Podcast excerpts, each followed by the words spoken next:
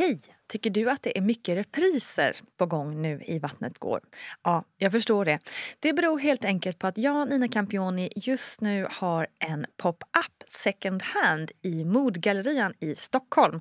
Så min tid räcker helt enkelt inte tid att göra så många avsnitt som jag hade önskat. Men tills jag är tillbaka på full tid, kom gärna och hälsa på mig i Modgallerian. Vi ses!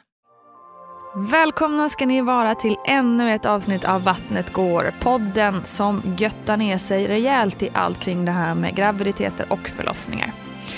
Nina Campioni heter jag och jag vill verkligen passa på att ge ett litet extra tack till alla er som lyssnar, som hör av er via sociala medier och som faktiskt då och då kommer fram och pratar när vi möts på stan. Det är väldigt roligt och jag blir alltid jätte, jätte, jätteglad. Så fortsätt med det.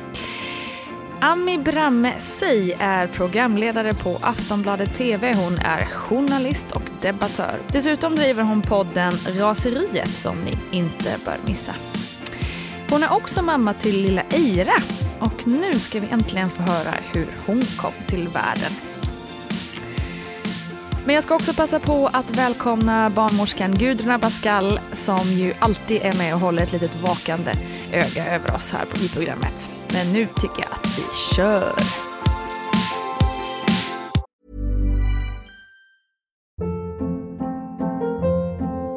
Hold up. What was that? Boring. No flavor. That was as bad as those leftovers you ate all week. Kiki Palmer here, and it's time to say hello to something fresh and guilt-free. Hello Fresh. Jazz up dinner with pecan-crusted chicken or garlic butter shrimp scampi. Now that's music to my mouth. Hello Fresh. Let's get this dinner party started. Discover all the delicious possibilities at hellofresh.com.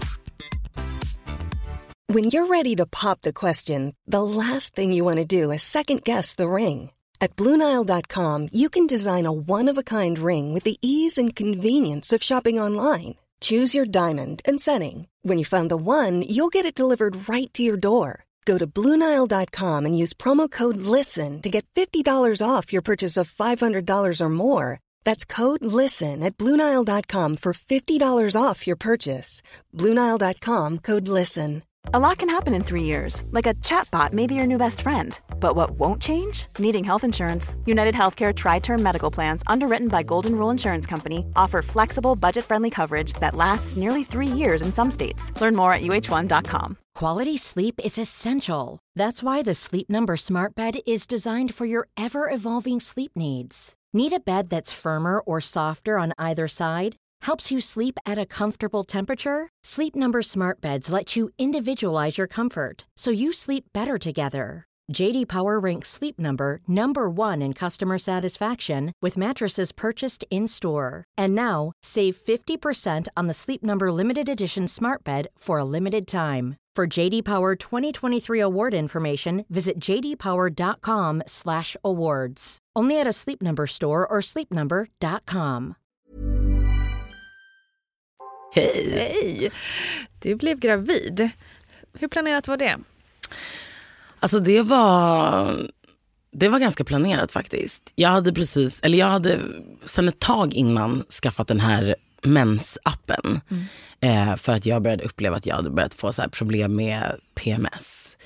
Eh, besvär och bara, jag måste ha koll på när jag får mens. Jag har liksom aldrig i mitt 29 år, eller då 28-åriga liv haft någon riktig koll på det. Så skaffade jag den och då såg man ju när man har ägglossning. Eh, så då gick det inte längre att bara, oj, tänk om jag blir gravid. Eh, både jag och min pojkvän, vi hade pratat mycket om det och båda var två personer som liksom ville ha barn väldigt mycket. Eh, så sen när vi, när vi, när vi väl liksom visste när ägglossningen var, då var det nog på tredje försöket tror jag, mm. som jag blev gravid. Eh, så det var, sen när man väl liksom gjorde testet och det faktiskt var positivt så var ju det ändå den sjukaste känslan. Men det var ju inte en chock. Det var inte what? det var liksom bara, gud nu jag är gravid. Ja. Vad var, var det att mensen inte kom som, som gjorde att du förstod eller var det något annat symptom? Nej det var precis det för att jag hade ju som sagt den här appen då. Så att då vet man ju liksom bara en, två dagar. Vilket var lite irriterande för jag visste om att jag var gravid från typ vecka, alltså två eller tre. Alltså, något- gjorde det? ja, Men, vad var det då som gjorde att du kände det? Ja, Men alltså det, för att jag, jag gjorde testet på dagen. De här testerna kan man ju testa liksom samma dag. Och det vart ju positivt. Så då visste jag ju, alltså i efterhand så kändes det som att jag var gravid så himla länge. Ja, jag okej, bara, fattar. Ja men du vet, då, vissa andra så här ploppade upp along the way. Jag bara, jag är också gravid, fick veta. Och det var ju liksom sommarmånaderna. Jag var så här, tänk om jag bara inte hade vetat det så tidigt. Ja. Hade jag kunnat så här, okej jag bara, då kan jag dricka lite Dricka mer vin. men nej. Men alltså jag visste det från väldigt Mm. tidigt. Liksom. Och att, men hela den här grejen att jag visste inte att, man vänt, att det tog så lång tid innan man fick liksom magen kom. Och, alltså det var ju någon gång i vecka, vad vet jag, 22 Mm. eller något sånt. Alltså man gick ju liksom hemligt gravid och för sig själv väldigt länge. Mm. Hur länge väntade du med att berätta? Var det tills det började synas eller? Ja, typ. På jobbet eh, och, och liksom på, min, på mina sociala medier när man bara, nu berättar jag det för alla. Det var liksom i vecka, ja men typ 21 tror jag. Så att det var, det var, det kändes som en lång sommar när man gick och lurade. Jag kommer också ihåg det där att man liksom längtar, längtar efter att- just det där att lägga ut det på, typ på Instagram. Så man bara, när ska jag, snart ska jag, när ska jag, nu gör jag. Men tyckte inte du att det var lite läskigt ändå också? Och lägga ut det på Insta. Ja, eller jag vet inte. Ah. Nej, jag var nog mest excited. För Ja. jag tyckte att det skulle bli så kul att bara så skrika ut det äntligen. Till hela världen eftersom alla bryr sig. Gör inte? Jo. Nej men ja, vi gjorde det efter andra ultraljudet tror jag. Och Mm. då kändes det ändå så här som att ja men nu har vi ändå så kollat av alla kubb och alla Mm. såna där läskiga grejer. Ja, ja, men det är ju lite det. Man, man är ju... Det är ju liksom... Alltså gud, det är så, nu känner jag den här känslan när man var gravid. Det är så, som du liksom är nu. Det är så speciell tid liksom. Att man allting... Också att man går in i sig själv väldigt mycket. Och just den här gravidhjärnan som du kanske upplever nu. Oh yes. Att man faktiskt snör in väldigt mycket på sig själv och sin fysik och minsta lilla grej kan Man är bli ju ganska väldigt stor. sårbar. Verkligen. Verkligen. Och samtidigt så är- man, ja, nej men det var, jag har så dubbla känslor av att vara gravid. Det var liksom, det var många saker. Jag skrev en lista, jag bara ska inte glömma allt det här som var jobbigt faktiskt. men för jag vet att folk glömmer. Mm. Intressant. Ja, ja, Ja, men du vet, man förskönar ju. Och inför andra gravida man bara, nej men det var inte så. Och sen så bara, men jo jag hade en hel del.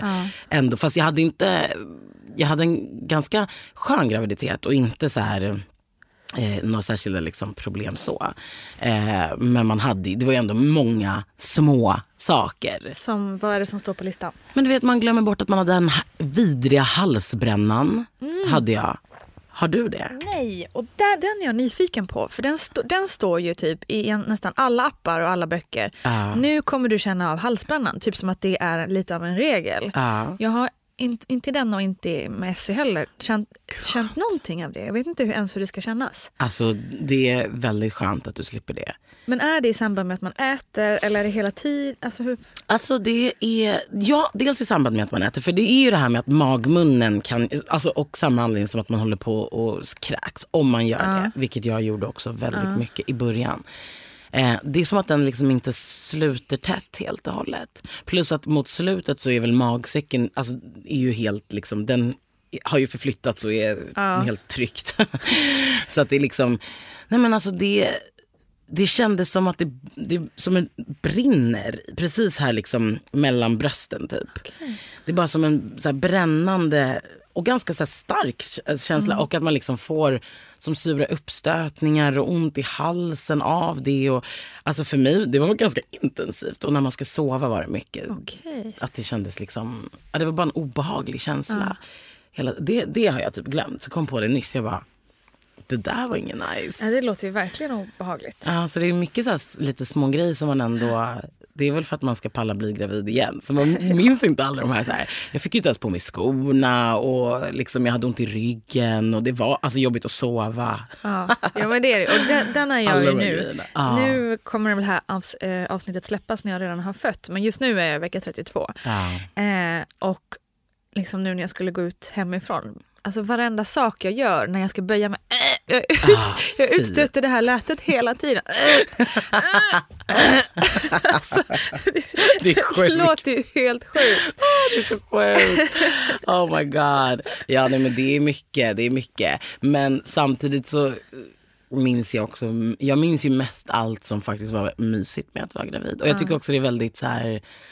Nu när jag ser bilder på gravida, eller när jag ser på dig rakt här framför mig.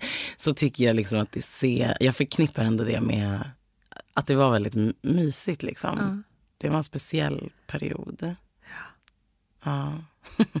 Ja, men det, men det, var, det värsta var då du spydde i början. Och Ja, lär- men när släppte det. illamåendet då? Alltså jag tror att det släppte typ i vecka, för mig att det var någonstans 16, 17. Och det var, dels krockade det ju totalt med mitt jobb. Du och jag har ju träffats där Ja. i Aftonbladet-studion. Sitta i tv och, och skit. och sända live och inte vilja bli hon kräks-Eva. Jag bara, ja, alltså det, och det var ju några gånger jag sprang ut därifrån och sprang till toan. Och det var ju också i kombination med att jag hade ju inte berättat för kollegorna. för Fast, just det tänker jag. Mm. Så jobbigt. Men det var faktiskt vidrigt. Det var vad, vad vidrigt. skyllde du på då? Eller det var ingen som vågade fråga? Nej, alltså, alltså när jag väl berättade, jag bara, hörni, jag är gravid. De bara, vi vet. Alltså hela redaktionen bara, du, vi har fattat det. Hon kan inte ha diarré varenda dag. Hela sommaren. Plus att så här, Almedalsveckan, att inte dricka alkohol under den veckan är värsta grejen. Ja. Det är ju verkligen, alla dricker väldigt mycket alkohol. Fick du mycket frågor kring det? Ja, jag ljög ju och sa att jag är muslim. Vilket jag inte är. Jag är liksom absolut inte en troende person. Jag bara, jag är muslim. Och hon bara, jaha. Vill inte ställa fler frågor. Så- Nej, precis. Det är ingen som vågar ställa det. Nej, vilket är också Vad så här, hmm, det bara funkade. Eh, nej men så, det var ju liksom eh, sådana saker. Nej men, jag, till slut fick jag ju säga det till någon på jobbet. Nu är det så här när man mådde väldigt illa. Nej, men, nej men det var jobbigt tycker jag. Och då var jag väldigt, jag hade en period av så bitterhet. Att jag bara fan som kvinna att man har den här konstiga rollen. Att man liksom, man kan inte riktigt man, man känner att man inte kan berätta, eller vill berätta kanske. Men att det påverkar en så mycket. Och så psykiskt också såklart. Men att man går runt med den här konstiga stora hemligheten. Bland, alltså det är jättebisarrt. Det är verkligen speciellt liksom. Och jag tänker andra jobb där man kanske inte ens känner att man kan berätta för att man, vad vet jag. Man vill vara attraktiv på sin arbetsplats helt Precis. enkelt. Ja. Och som kvinna så, så drar man ju ett helt annat lass där. Man kommer borta Absolut. längre. Och, Absolut. så det var... Ja, det var, det var liksom, ja men det var då jag höll på och kräktes mycket. Men sen försvann ju det bara. Det var ju helt sjukt. Man trodde ju aldrig att det skulle försvinna. här från en dag till en annan. Liksom. Ja. Det är så konstigt. Vad har du lidit av illamåendet? Inte så som du, jag har ju inte spytt och så. Men nu andra graviditeten så har jag mått ändå ganska illa också. Men det har ändå... Som tur var, i och med att jag frilansar så har jag ändå kunnat, de dagar som har varit jobbigt så har jag ändå så här, kunnat jobba hemifrån utan att det har varit några konstigheter. Eh, så absolut känt av det men inte, inte, Inte. det här värsta. Nej. Som tur är. Ja, skönt. Ja, verkligen.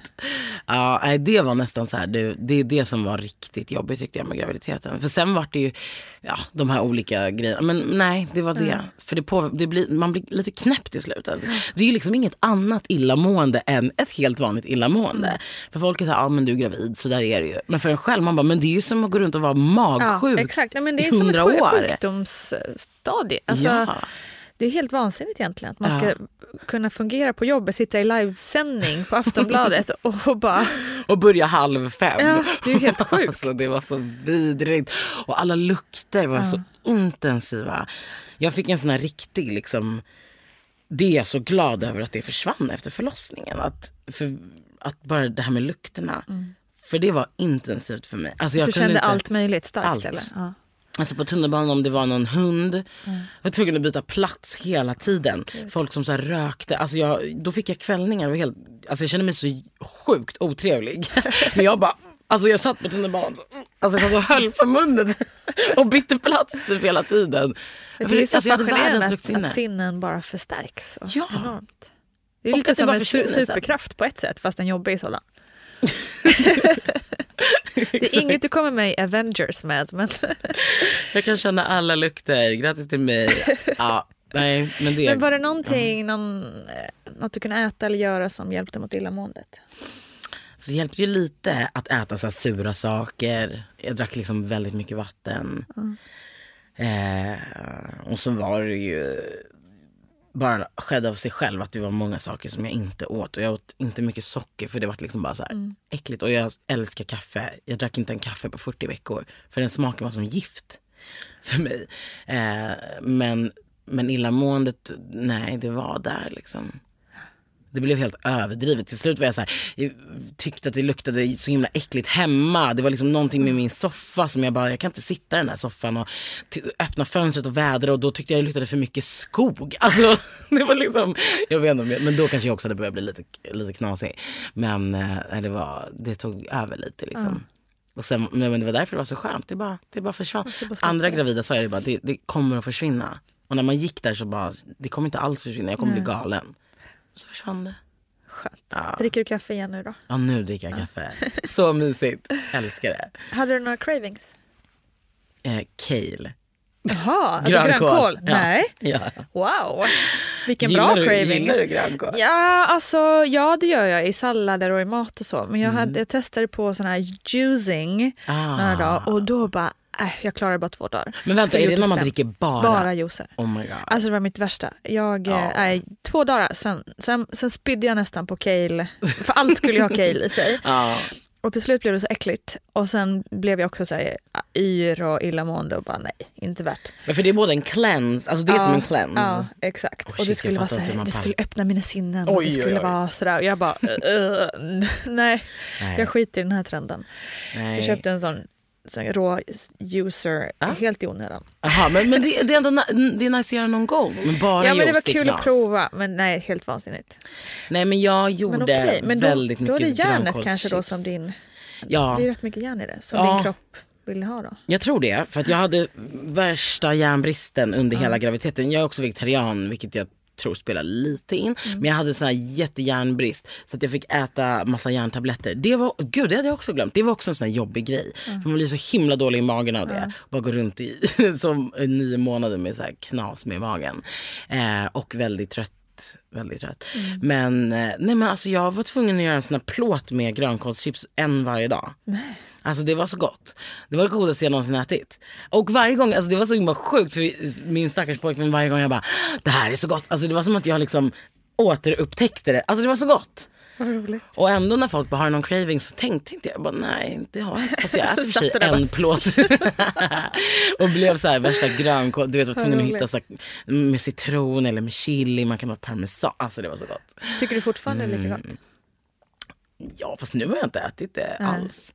För att det är rätt jobbigt att hålla på och göra den där grönkålschips varje dag. Men det var väldigt gott. Ja gud, jag kanske ska göra det idag. Vilken bra craving, nyttig craving. Ja eller Ändå, hur? måste jag säga.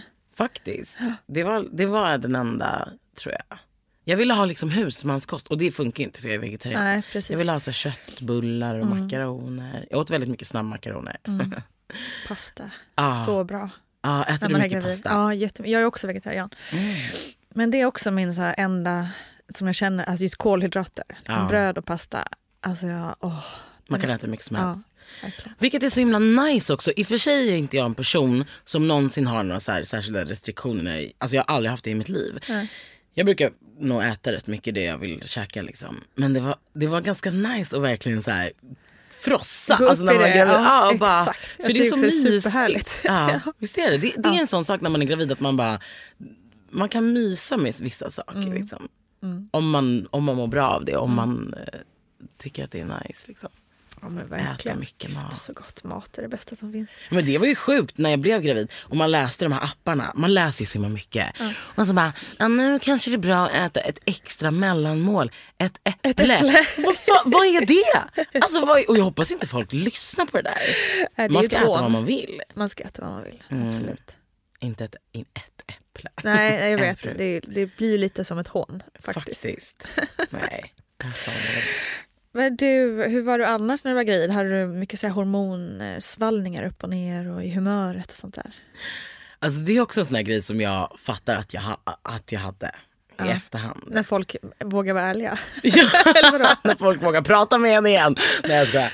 Nej men, ja, men för att jag, för jag, ja, jag vet inte vad det var med mig när jag var gravid. Jag tänkte inte på det. Man, man, man är ju så mycket där och då. Eller jag, Jag tror inte heller det. man fattar, för att ofta är så man, bara, man bara mår ju och känner ju. Ja. Eh, Så. Ja. Och så fattar man kanske inte att det är, ja, men det är hormonerna som gör att jag... Exakt.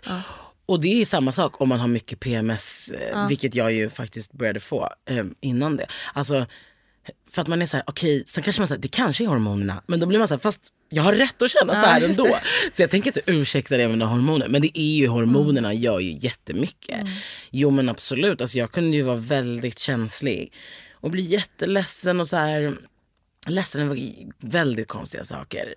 Alltså runt jul, då var jag väl, hon kom ju i februari. Ja, men jag kommer inte jag var väl runt vecka 30 någonting. Och hade så här juldagsfest hemma. Och det hade varit folk där och det var jättemysigt. Vi hade liksom julklappsleken och så här. Bara jättetrevlig juldagsfirande. Och sen när alla hade gått hem på kvällen. Det här är en sån sak som jag inser nu, att det var ju hormonerna. Då blev jag liksom jätteledsen. Och tyckte så här, det vart, det vart inget bra. Det var ingen trevlig kväll. Och såklart fick ju min pojkvän bara, va? Det var jättetrevligt. Alltså, och för mig var det så här, nej det var, det var inte det. Jag tror att alla tyckte jag var så tråkig och jag fick ont i ryggen och jag var tvungen att lägga mig och vila. Och då, det var ju hemskt att jag var så tråkig gravid. Och bara, bara låg och grät och grät. Det är ju Hemskt. hormoner. Ja, jo, det, det var ju ganska tydligt kan man ju känna. Ja, och sådana saker kunde jag ju få. Gråta över att saker var gulliga och gråta över, eh, gud jag vet inte vad. Allt möjligt. Så det var ju rätt intensivt också.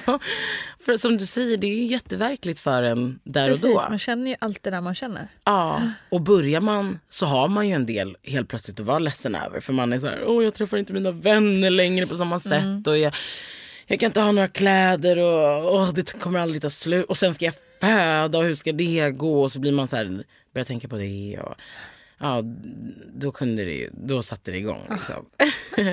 men, eh, men det kunde jag också tycka var ganska skönt på något sätt. Man var så in, man var inne, alltså jag tillät mig själv nog att vara väldigt inne i mig själv under graviditeten. Liksom.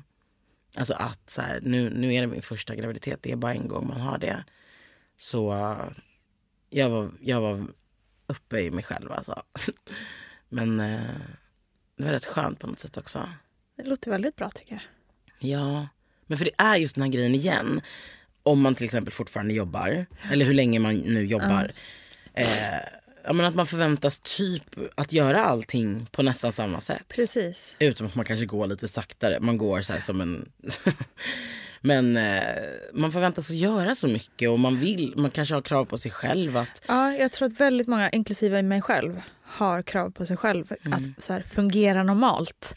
Att eh, inte visa på svaghet. Att, att eh, jag kan minsann klara det där i alla fall. Alltså, som idag, bara det där som jag sa att jag bara skulle sätta på mig skorna. Så är min man där och bara, men ska jag hjälpa dig? Ska jag hjälpa dig? Och jag bara, nej, nej, nej, nej, nej. nej. Alltså, istället för att bara, Exakt. bara få vara gravid och faktiskt vara i ett tillstånd där Mm. man kanske inte kan göra precis allt. Nej. Och, och för vem ska man göra allt det Mm. där? Man gör ju redan något. Alltså man, du går ju runt och producerar Exakt. ett barn. Det här är ett jättejobb som vi gör. Alltså faktiskt. Nej men det är, det är hemskt att man är så indoktrinerad i. Och så är det ju som kvinna med massa saker. Att man förväntas göra väldigt mycket samtidigt. Och det här med utseendet kommer in på det. Och det är också en väldigt speciell sak. Att, att eh, bli ett med en gravid kropp. Liksom. Och, som du, och, och, och fysiska grejer, problem man får. Och, och så ska man ändå springa runt och göra. Men, men är du, säger du till dig själv då? Eller? Nej, jag tror att jag fick lite så här epiphany nu när jag sitter och pratar med dig. Att jag liksom nog borde tänka, tänka på det lite mer. Mm. Nu har jag ändå några veckor kvar att kunna lära mig själv. Ja, Att ta ett steg tillbaka. ja men faktiskt. Och jag tycker också att så här, om man lyckas med det, för du, jag vet ju allt möjligt du gör. Du är ju en högpresterande person. Eh, som många andra kvinnor som, som man kanske känner en press att vara. Eh, och som jag kan känna mycket själv också. Och det sociala hit och dit. Eh, men när man tillåter sig själv att inte vara det, då kommer man ju in i helt andra tankar som man kanske annars inte hinner tänka. Och det på slutet där, för jag slutade jobba ändå ett tag innan jag sen födde. Ehm, och då var man ju mycket med sig själv och i sig själv liksom. Och då, då, då lyckades jag hitta ett lugn i mig som jag trodde att jag inte hade som person. Alltså jag är en stressig person och så här, väldigt mycket saker samtidigt. Och Alltså väldigt dålig koncentrationsförmåga och så här. Men så helt plötsligt så bara, nej men jag kan ju visst koncentrera mig på, det här, på att sitta och liksom tänka och gå in i mig själv. Eh, jag kan det. Alltså jag har alltid sett mig en person som, som en person som inte ens kan det. Men så bara, jo det kan jag visst. Och det är väldigt skönt tyckte jag. Att när man var gravid att så här, att hitta något. Jag kunde hitta ett lugn i alla fall som jag inte trodde att jag hade. Ja. Jävligt intressant. Jag, jag har Ska blivit ta lärdom av det. Ja, exakt. typ. Du får bli min Buddha. Ja, Säger man så? Nej. jag vet inte. typ eller? Vi kan säga så. Hur gick dina tankar kring eh, förlossningen? Alltså, jag har ganska länge varit en sån här person som tycker att det är väldigt intressant med förlossningar, med graviditet. Alltså, jag fick det här intresset på ett ganska konstigt sätt men när jag var liten så var jag liksom gravid. Okej, perfekt. Det där var jättekonstigt. När jag var liten så var jag barnvakt skulle jag säga. Eh, till ett, en tjej som bara var några år yngre än mig. Eh, alltså vi var grannar så att jag var liksom barnvakt. Alltså jag vet, hon var egentligen inte så mycket yngre än mig. Men hon i alla fall, hur gammal var hon då? Men alltså hon måste ändå varit liksom, hon kanske var 10 och jag kanske var 14 eller något sånt. Hon var intresserad av förlossningar. Det var hennes stora intresse. Så istället för att liksom läsa någon bok på kvällen när hon skulle sova så ville hon kolla en alltså bild, fotobok av förlossningar. En sån här du vet 80-tals... Svartvita bilder. ja exakt. Så massa blod, alltså jättehemska bilder. För ett litet barn kanske man kan tänka. Men hon tyckte den där var jätteintressant. Och så vi höll, hon gav det intresset till mig, alltså när hon var ett litet barn. Och hon, Ida, alltså shoutout till Ida för jag vet att hon lyssnar på den här podden. eh, hon liksom hade det där intresset hela sitt liv. Och eh, Har hon inte blivit barnmorska? absolut. Hon har det, gud vad roligt! Vad Hon är liksom häftigt. jätteung, 25 år barnmorska. Wow. Ehm, Heja Ida! Alltså heja Ida som Vad jobbar på. BB Stockholm. Hur grym som helst. Ehm, nej men när hon praoade så var hon liksom inte i en mataffär utan hon var på förlossningen. Eh, hon praktiserade på förlossningen och utbildade sig såklart till barnmorska. Och liksom via henne som barn så blev jag också intresserad. Så jag har alltid haft ett intresse för det. Eh, och liksom lyssnat på din podd såklart innan jag var gravid. Eh, och liksom men jag älskar så här, jag har sett Gudrun Schymans förlossningsfilm flera gånger. och typ följer sådana konton på Instagram. Eh, så att, eh, och har liksom alltid velat bli gravid. Så det var också såklart därför jag blev väldigt glad att jag Ja. kunde bli gravid. Eh, så Då känns du ganska förberedd för en förlossning. ja, ja, alltså jag var en sån här person som hade en väldigt tydlig bild om hur min förlossning skulle vara. Det blev ju ingenting som jag hade trott. Eh, men jag, hade, jag var väldigt peppad. Jag såg fram emot att föda. Liksom att, att snart är det min tur att göra det här sjuka som jag har liksom sett på bild och film och läst om. Och, alltså jag, men, men under själva graviditeten så höll jag mig nog undan lite mer ifrån, eh, ifrån liksom, det, jag tror att det är för att när man ger sig in i det där och när man pratar med folk framförallt så vill folk jättegärna ge lite skräckupplevelser. Ehm, jag, vet, jag tror att det säkert har nämnts här i podden. Men alltså så här, att alla ska ju komma med sina råd. Alla vet precis hur det va- ska vara för mig, vilket ingen kan veta. Eh, och, och alla säger så här, jag ska inte ge dig några råd, men om jag ska ge dig ett råd. Man bara, "Åh, herregud nu kommer det. Och så här och så här. Och, och mycket så här. Och jag förstår det för har man haft traumatisk, traumatisk förlossning så vill man berätta. Men det så är det. hjälper inte en person som går och väntar på att föda själv. Tycker inte jag. För då blir man rädd och det känns som det största hindret. Eh, så jag backade nog lite från det under själva graviditeten. Eh, men, men Ja, jag var liksom väldigt så här, hur ska, hur ska min förlossning bli nu när man har liksom knarkat andras förlossningar hur länge som helst. Men du har ju också engagerat dig eh, en del i det här med Födelsevrålet som är en organisation som jag har nämnt någon gång här i podden tidigare. Kan du inte berätta lite om det också? Men alltså, jag tycker födelsevrålet är så viktiga.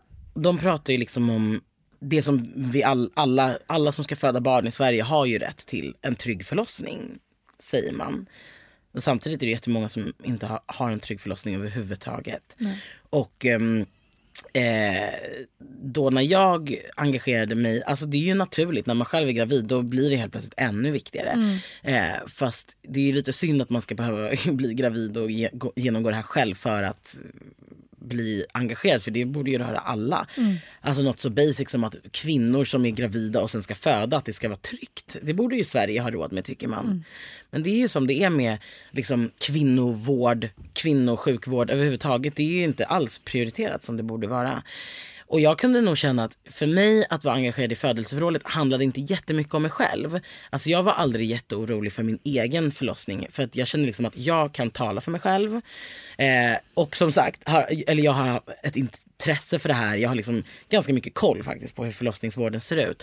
Ehm, pratar perfekt svenska. Alltså en sån sak kan ju komma att spela roll. Ja, verkligen. Eh, så att jag kände att det är ju för de kvinnor som kanske inte har allt det här. Eh, att även de ska kunna föda tryggt. Och liksom när man läser om nedläggning av eh, förlossningsvård i Sollefteå tror jag att det handlade om.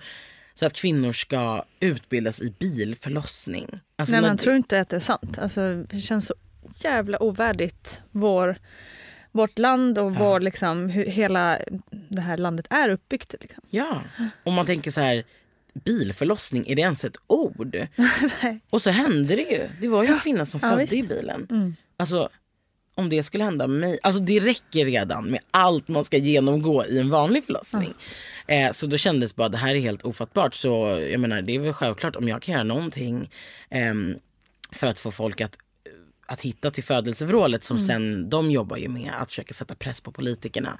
Eh, att vi måste ha en bättre, bättre politik kring förlossningsvården. Så är det väldigt självklart för mig liksom att ehm, jag har ju då som sagt en vän som jobbar inom eh, mödravården och hon berättar ju också att liksom, det är så olika vart i Stockholm man jobbar. Om man jobbar i eh, Danderyd eller om man jobbar i Rinkeby. Och liksom att kvinnor som till exempel har den här språkbarriären, att hitta information liksom i vilken vård jag har rätt till och sen efter, alltså hur jag ska hitta information om typ hur får jag pengarna för Försäkringskassan. Alltså har man inte svenskan med sig så är det Fasen. jättesvårt. Alltså det är ju svårt, just Försäkringskassan är ju svår även om man kan perfekt svenska. Ja! Det är superkrångligt. Alltså helt ärligt Försäkringskassan, jag tror de har gjort, de har gjort sin hemsida för att man, den är så tråkig Ja, ja. och så jobbig och det blir bara fel. Det blir bara fel. Det är helt sinnessjukt. Jag vet inte hur många gånger som jag har suttit i den där telefonkön för att få prata med en, en faktisk person. Ja. För att jag fattar inte. Nej! Och sen när man kommer dit så bara, ja, så får man liksom också lite så här Alltså det är ett skämt, det är en djungel. halvfelaktiga svar. Ja! Och så är man på plats 680 000 i kön och så blir man galen. Nej men alltså man blir galen.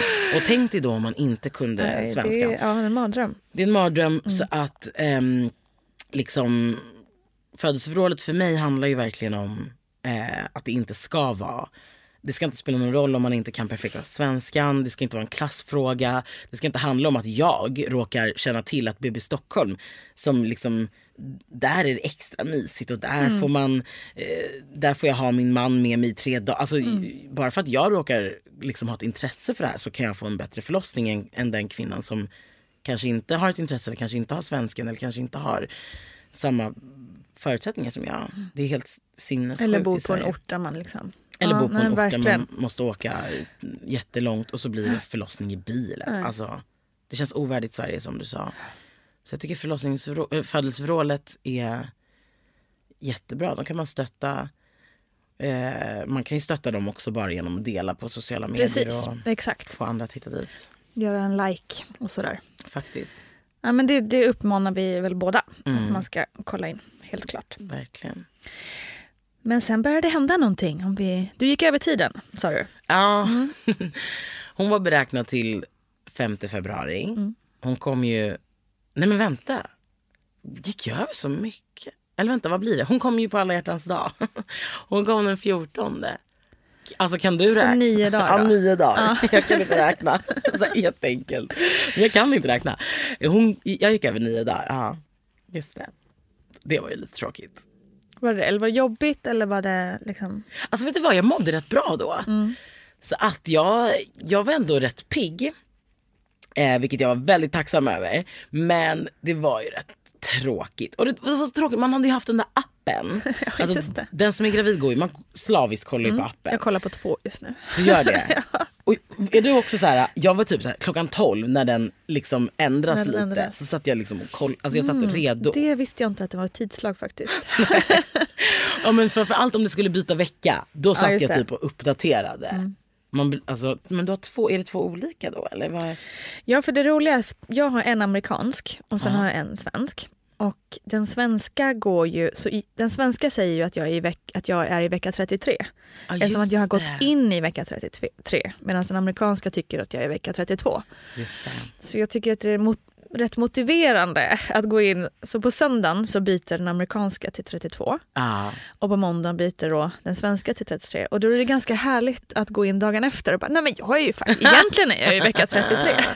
Gud vad smart. Men känner du aldrig så här, jag är i vecka 33 fast jag är ju typ i vecka 32. nej, jag, tänker, jag ser det positivt. Ja men det är bra. För jag kommer ihåg när jag i appen, exakt, den sa ju så här 33. Men när man var hos barnmorskan hon bara 32 fyllda veckor. Då blev jag Ja alltid här, precis, 32 plus Åh. 3 dagar. Exakt, jag bara du Ja. drar tillbaka mig. Då blir jag alltid så irriterad. Ja. Eh, Okej, ja, men apparna. Det var ju, tyckte jag var skitirriterande. När jag då gick över, då började den säga att jag var 103 Mm. Ja, procent. det. Då tog jag bort den. För jag bara, fy fan det finns Nej, ingen... nej, det hjälper ju inte. Det var inte kul.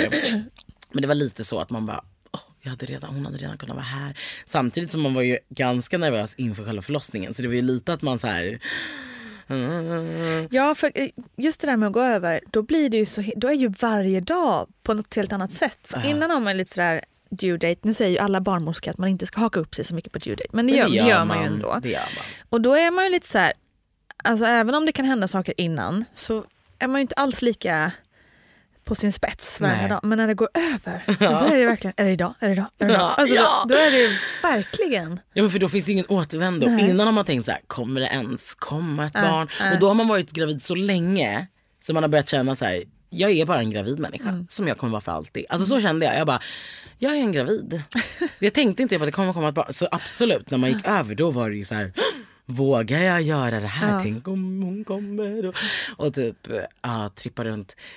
Nej, men det, ja, det var ganska det var ganska spännande. Och att så här, jag kommer ihåg att min pojkvän också var så. Han bara, men nu kan hon ju komma när som Ja. helst. Vilket egentligen hade varit från vecka 37. Typ. Ja, men det blir verkligen mycket mer verkligt sen. Ja. Det är lite häftigt. Men, ehm, Vad hände då? Hur började det hela? Nej, men alltså, det började en söndag morgon klockan nio på morgonen. Vaknade jag av eh, liksom förverkar. Eh, som var ganska, ja men det var ju som en lite kraftig mensvärk på något sätt. Eh, och jag, jag kommer ihåg att jag vart så här, "Åh, nu händer det. Eh, och eftersom att jag var ganska, fortfarande ganska peppad då. Så jag var så här, Haha. Jag trodde ju typ att jag bara, nu ska jag föda idag. För det var ju det här, alltså jag hade en riktigt påhittad bild om hur just min förlossning skulle gå till. Även om jag visste att det kan inte jag veta så var jag så här, fast jag tror att jag vet. För jag har någon så här sjuk Vi kan så mycket. Exakt, jag kan så mycket. Va? Och att jag bara, jag har alltid varit en sån här person, jag tror typ att jag styr över min egen kropp. Vilket jag såklart inte gör. Ehm, så jag tyckte så här, ah, nu är det på gång. Eh, och blev ganska peppad. Eh, och sa, var så här, ah, nu, idag, idag kommer hon. Liksom. Eh, och eh, vad gjorde jag då? Ja, men jag liksom gjorde allt det här som de hade sagt. Man kan ta ett bad. Vi tog en promenad. Eh, chillade runt hemma. Och att det, det blev ju liksom sakta men säkert blev det ju mer och mer intensivt. Att det här verkligen började göra ganska ont. Ehm, jag visste ju om att man kunde ha en sån här, den här latensfasen hade jag ju lärt mig om. Men jag, jag trodde nog ändå att det inte skulle hålla på så länge. Så jag var ganska så här bara redo. Bara snart åker vi in. Men jag tror att jag var lite för redo för vi åkte ju in för tidigt. Okej. Och jag blev hemskickad. Det var inte kul. För då hade det gått typ ett dygn tror jag. Och då hade jag till slut... Liksom, grejen var den att det ska ju bli regelbundet med de här verkarna. Men det blev aldrig riktigt regelbundet. Vilket jag liksom också hade hört att för vissa blir det aldrig regelbundet. Nej, allting är ju ändå personligt. Ja, men det det. det där är ju så svårt att veta. Så jag, ehm, ja, alltså jag tyckte liksom att det är inte regelbundet men det gör så himla ont nu. Och det är typ regelbundet. Så det är nog dags liksom. Så det, då hade jag legat hemma typ ett dygn tror jag. Och hade ganska ont och hade liksom ganska mycket så här värmekudde och hade tagit Alvedon och allt vad de säger när man hör av sig. Eh, och ändå typ tyckt att, så här, att jag kämpade på ganska mycket. Så då när vi åkte in till BB Stockholm var det. Eh, så undersökte de ju mig. Och då var jag öppen två eller tre eller något sånt där. Och så fick jag stanna där och vänta lite och se om det hände. Det hände ju ingenting. Plus att de var så här, stod och pratade med mig ganska mycket och jag bara babblade på. Jag bara bla bla bla. Och så sa de efteråt så här, nu har vi pratat ganska länge och du verkar inte så här, du verkar inte ha så ont. Det verkar inte vara på gång. Och det var ju en riktigt stor besvikelse. Det förstår jag. Så då sa de ju till mig att så här, den här latensfasen kan pågå i två dagar till. I värsta fall. Eller liksom. så, och den gör man ju tydligen bäst hemma. Man får, de sa att jag fick vara kvar men då kan det ta ännu längre tid. Och då kanske de börjar sätta igång och hit och dit. Så de rådgav ju mig att åka hem och ligga i min egen säng och göra det här. Så då åkte vi hem igen. Det var ganska deppigt. Har du, åkte du in tidigt? Ja, mitt vatten gick ju. Aha. Så att jag blev liksom inlagd eftersom Essie inte var fixerad och sådär. Och sen blev jag Ah. igångsatt. Så det var ju helt Det var- annorlunda Ja, på det, det var viset. annan. Ja, nej, eh, nej, ja, nej, vi blev hemskickade igen. Ehm, så jag fick bara få, men då gick jag in för det på ett annat sätt tror jag. Innan hade jag varit lite mer sådär, det första när det började ske där på söndagen, då var jag så här att jag liksom var väldigt mycket uppe och jag skulle fixa tusen saker och var så här ganska ehm, inte så avslappnad liksom. Men då när jag var så här, nu, jag kan inte åka in igen för tidigt. Så nu måste jag liksom ride it out. Alltså jag, tr- jag tror att jag försökte låtsas som att det inte, alltså jag ville skynda på det hela. Vilket man inte kan. Så då åkte vi hem och bara, jag tror att jag låg i min säng sen ett helt dygn till. Och bara tog emot de här verkarna på riktigt liksom. För- Andades och sådär då eller? Och liksom. Ja. Och barnmorskan som skickade hem mig, hon skickade verkligen hem mig med att så här, försök att ta emot verkarna. Försök att liksom, att som du säger andas genom verkarna. Försök att liksom, hon sa att jag skulle ligga ner mycket och bara försöka vara så lugn som möjligt. För innan hade jag varit så här, jag ska upp och gå, jag ska liksom sitta på en stol och min kille ska hjälpa mig att trycka på knäna. Alltså det kan ju också vara bra. Men det kan ju, lyckas man hitta att liksom vila sig igenom det, eh, vilket jag sen gjorde. Så jag bara låg där, lite som en sån dvala. Och eh, kände, och sen när vi väl, när vi väl åkte in, då var det ju, då var det ju regelbundet. Då var det liksom tre gånger i per tionde minut eller vad det var. Och då var det ju faktiskt en helt annan grej än första gången jag åkte in. Varför blir man eh, hemskickad ibland när man har kommit in till BB och eh, hur vanligt är det egentligen? Hur vanligt, jag har ingen statistik på det, men om jag ska tänka tillbaka på min egen erfarenhet så kanske var tionde kvinna får vända om. Och hemskickad, ja, alltså det ska ju där, enligt patientlagen, så ska det ju vara att man känner att man har kommit fram till den här slutsatsen själv, att det är bästa för mig att gå hem. Och det tycker jag att det, det ska man verkligen se till. Man går inte hem om man inte själv vill, utan då sätter man sig på rumpan och säger jag tänker stanna kvar. Så. Men det finns både för och nackdelar. Vi tycker ju så att man ska vara i, har man kommit till förlossningskliniken och så märker man då att eh, man fortfarande befinner sig i den berömda latensfasen och det räknar ju vi inte som något medicinskt aktivt förlossningsarbete och är allting normalt så tycker man den här tiden kan man lika gärna vara hemma. därför att man behöver lugn och ro. Vi kan inte bidra med speciellt mycket. Man ger inga speciella läkemedel, man behöver inte göra några extra kontroller om allting är normalt. Vi pratar utifrån det perspektivet. Så att vi ser bara att man får ett rum och sen där är man och sen har man ju inte speciellt mycket stöd av barnmorskan. Hon har mera tycker vi då som vi prioriterar då kvinnor som är aktivt förlossningsarbete. Så att det där, där handlar om vad man vill själv tycker jag. Känner man sig tryggare då att vara på ett rum så här så tycker jag att man ska snacka till det. Men, men många föräldrar tycker också att det är skönt att gå hem. Man har sin egen säng, kylskåpet, badrummet och kan ja, styra sin egen tid på ett annorlunda sätt. Det blir ganska tråkigt, tycker många. Och så upplever jag också att många föräldrar sen efteråt säger att de, de var inne under en lång latensfas och sen för att, att jag hade en väldigt långdragen förlossning. Säger man. Men gör man latensfasen hemma och kommer in i aktivt förlossningsarbete så upplever föräldrar att de har en snabbare födsel.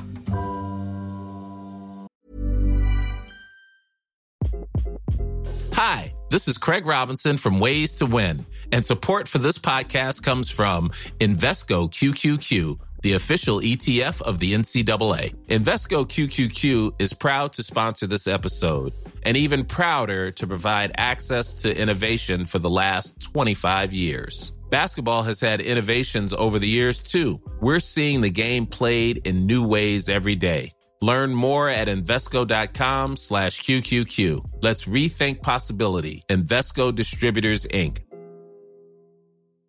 Life is full of awesome what ifs, and some not so much, like unexpected medical costs. That's why United Healthcare provides Health Protector Guard fixed indemnity insurance plans to supplement your primary plan and help manage out of pocket costs. Learn more at uh1.com. This is Paige, the co-host of Giggly Squad, and I want to tell you about a company that I've been loving, Olive and June. Olive and June gives you everything that you need for a salon quality manicure in one box. And if you break it down, it really comes out to $2 a manicure, which is absolutely insane. It's also so easy to get salon worthy nails at home with Olive and June. The difference between how your nails used to look when you did them yourself and now with the Manny system is a complete game changer. The best thing about Olive and June too is it's a quick dry, dries in about one minute, lasts for five days, and full coverage in up to one to two coats. Visit oliveandjune.com slash perfect Manny 20 for 20% off your first system. That's oliveandjune.com slash perfect Manny 20 for 20% off your first system. Hold up. What was that? Boring. No flavor. That was as bad as those leftovers you ate all week. Kiki Palmer here, and it's time to say hello to something fresh and guilt-free. Hello Fresh. Jazz up dinner with pecan-crusted chicken or garlic butter shrimp scampi. Now that's music to my mouth. Hello Fresh. Let's get this dinner party started. Discover all the delicious possibilities at hellofresh.com. Hey, it's Ryan Reynolds, and I'm here with Keith, co star of my upcoming film, If, only in theaters, May 17th. Do you want to tell people the big news? All right, I'll do it. Sign up now and you'll get unlimited for $15 a month in six months of Paramount Plus Essential Plan on us. Mintmobile.com slash switch. Upfront payment of $45 equivalent to $15 per month. Unlimited over 40 gigabytes per month. Face lower speeds. Videos at 480p. Active Mint customers by 531.24 get six months of Paramount Plus Essential Plan. Auto renews after six months. Offer ends May 31st, 2024. Separate Paramount Plus registration required. Terms and conditions apply if rated PG. Hade du kunnat sova de här nätterna? Det var ändå några dagar då. Ja, precis. Ja, jag tror att jag sov. Jo, jag sov och hade liksom, men jag hade, det var ju en väldigt speciell sömn. Mm. Och jag hade verkar i, genom Ja. sömnen och, och sen vaknade jag ju och liksom, vi försökte ju bara göra allt möjligt. Och de snackade mycket om att man skulle försöka, alltså att kroppen, det här, det här var ju första steget egentligen att lämna över till kroppen. Första gången jag åkte in, då hade jag inte lämnat över till min kropp egentligen. Jag var jättemycket i mitt huvud då Mm. och var så här, jag ska fixa det här och min väska, den, den, den. Men då var jag verkligen så här. Jag gick hem och bara gjorde det helt mörkt i vårt sovrum. Eh, låg typ bara i min säng för hon sa det liksom, kroppen mår bäst hemma i din egen säng. Ehm, och eh, så då kunde jag, ja jag kunde nog sova. Och liksom, men det var, det var som en dvala mycket. Och sen var det egentligen som hela alltet var mycket som en dvala. Som jag minns det liksom, i alla fall under förlossningen också. För Behagligt det låter ändå. Alltså, jag gissar att du hade ont naturligtvis. Ja. Men ja, låter ändå ja, och det var dubbelt för det var behagligt på något sätt för att det här, det, jag tror att dvalan, för det är så som jag benämner det som en dvala, var liksom att jag försökte lämna över till min kropp. Sen det som jag tyckte var jobbigt var att det vart ju inte alls som jag hade hittat på. Jag hade ju sett framför mig att jag av någon anledning skulle vara så stark, alltså nu säger jag verkligen stark inom situation, alltså stark, vadå? man är ju stark. Men jag det är väl den där förväntningen på sig själv och pressen. För jag hittade ju på att jag skulle, jag, ska, jag vill liksom föda i vatten, vilket man inte ens får. Jag ska föda i vatten och jag ska typ göra det helt själv och jag ska vara så upp och jag vet inte vad jag hade för någon påhittad bild. Det var ju inte så. Man var ju väldigt liksom, jag känner mig ganska mycket mer som en patient. Ehm, och inte alls liksom, vadå upp och hoppade, så var det absolut inte. Jag låg ner väldigt mycket och liksom smärtan tog ju över. Och jag försökte att liksom vara så tung i min kropp och bara låta kroppen göra vad den ville. Liksom. Hur mycket var du öppen när du kom in sen då? Alltså då var jag väl kanske öppen, jag minns inte riktigt men om det kan ha varit typ fyra. Det som hände under hela förlossningen var att jag öppnade mig väldigt sakta. Eller väldigt typ inte. Och det vart liksom nästan till slut lite, lite knas. Alltså de började med lite olika Liksom jag fick ju, de, de tog hål på hinnorna där på Danderyd. Så att då började ju vattnet liksom, och det fortsatte. Det var ju också så, här, jag trodde att vattnet skulle gå så här. Men det fortsatte ju liksom lite grann under hela tiden, under alla timmarna. Bara rinna typ. Ehm, men de, de satte liksom, jag fick verkstimulerande dropp. För att det skulle komma igång lite snabbare. För det var ju också det jag hade sett fram emot. De här undersökningarna. Att det skulle vara så här, nu har det öppnat i så här exakt. mycket. Det blev aldrig så. Liksom. Det var jättemånga gånger de undersökte och det hade inte öppnats in något mer. Eh, så att vi var liksom, man var bara, var bara där. Jag kommer inte ihåg vad vi gjorde. Det är det här som är dvalan. Jag kommer inte ihåg vad vi det. gjorde. Jag försökte ta ett bad. Funkade inte alls. Det tyckte jag var hemskt. Det gjorde bara så himla ont att ligga och få verkarna i vattnet. Det var så konstig känsla. Så jag skulle testa med lustgasen. Det ville jag. Och sen, jag kände, det kändes jättejobbigt med lustgasen. Tog du lustgas? Mm, hade det. Jag tyckte det kändes som att man blev så här, jag var rädd för att tappa kontroll. Jag vet inte vad det var. Ja, För, för mig var det att den hjälpte mig att komma in i någon form av andning. För jag, spä- jag panikade och spände mig och liksom flydde från smärtan istället för att andas. Och då Ja. hjälpte lustgasen för det. Men jag tror inte den hjälpte mot smärtan direkt. Liksom, Nej. egentligen. Det var mer att du fick en konkret... Ja, jag fick en, liksom, regelbundet hur jag skulle andas. och- Ja. ja det, för många tycker jättemycket om lustgasen. Mm. Jag kunde inte, jag tror jag testade en gång, så var jag bara nej nej. Men jag vankade bara runt där och hade så jävla ont, ont man hade. Åh, det var så konstig känsla. Jag testade det här sterila kvaddlar. Okej. Har du testat det? Nej, inte. Alltså vet du vad? Någon annan kanske tycker att det är jättebra. Jag hade hört av en vän, hon hade tyckt att det var jättebra. Ja. Det var, det var, förlåt, alltså ta mig fan det värsta jag varit med om. Det när de skulle sätta dit, nej men det gjorde så ont. De kunde inte, jag kunde inte få, alltså jag kunde inte, de skulle ju, det är ju som någon nålstick som ska in under huden och sätta igång kroppens egna liksom, Mm. något hormon, jag vet inte. Ja, alltså att, att det ska bedöva liksom, Av sig på- själv. av sig själv på något sätt. Ja. Då säger de så här, Typ kroppens eget morfin eller vad det är. Just det. Ja. Och då säger de så här, ni kommer känna som att få lite bistick. Alltså det här. Så satt på en pilatesboll och två personer skulle då göra det här samtidigt. Det kändes ju som att de stack massa knivar. Alltså det var, jag, då skrek jag bara som, alltså på ett sätt som var sjukt. Det var inte allt den här verkar göra ont att man liksom bara gick in i det. Utan det var så här, ah! alltså det var hemskt. Så de slut, fick sluta. Det funkade inte.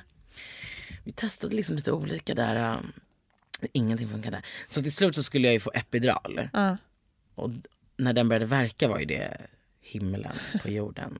Men det var Men, väldigt men jobbigt du ville vänta med den, så, eller du ville testa andra grejer innan den ändå? Nej eller vet du vad, jag ville ha den men det verkar ju vara ganska vanligt att man, vi fick vänta jättelänge på den. Det var liksom bara en läkare som kunde sätta Mm. Ja, den och den han där var busy. viktiga nar- narkosläkaren. Exakt. Så. Da-na, när han Ja. kom in. Da, da. Vi fick vänta skitlänge på honom. Så Okej, det var så då typ testade man lite annat innan liksom. Ja. Gick runt, satt på den här pilatesbollen. hit och dit. Fick värmekudde. Eh, men så till slut så kom ju han och skulle sätta dit den där epiduralen. Det var ju inte så kul. Tog du epidural? Mm. Ja, det var hemskt. Ja, Alltså just sätta den. det var hemskt. Mm. Men sen när den väl var där, efter ett tag. Då mådde man. Då, det var ju som att man öppnade ögonen första gången. Liksom, på hela, på, jag vet inte hur många timmar vi hade varit där då. Men det var ju som att man bara hej till barnmorskan. Så här. Det tyckte jag var väldigt skönt. Jag rekommenderar ju folk att ta, sen gör man vad man vill. Men jag, jag tycker att det var väldigt skönt. Sen var det liksom lite konstigt för att jag fick en sån här frossa av det. Man kan ju få en frossa av epiduralen. Så jag, min kropp skakade alltså väldigt mycket i resten av alltså alla timmarna. Oj. Jag bara låg och skakade. Alltså jag, alltså, så jag hackade tänder. Jag kunde Oj. inte knappt prata. Jag var bara så här, och liksom hela kroppen var som skakade och blev kall och benen domnade av. De kändes som att de vägde ton. Men gud vad obehagligt. Ja, men det var lite speciellt. Men lugnade de dig då att det var liksom inget ovanligt eller? Det skulle man ju kunna bli Ja. ganska rädd för. känns det som. Ja. Alltså jag var aldrig rädd under hela min förlossning. Men, eller jag kände mig aldrig otrygg. Men det var ju, och det är det här jag menar. Jag hade ju aldrig sett framför mig att jag skulle ligga där med någon sorts konstig frossa. Nej. Och liksom täcker på mig. Plus att jag spydde under min förlossning. Alltså jag är ju uppenbarligen en kräk, kräkig person. Eh, så att jag hade ganska svårt att behålla maten. Och det blir man ju också, du vet man blir svag när man kräks.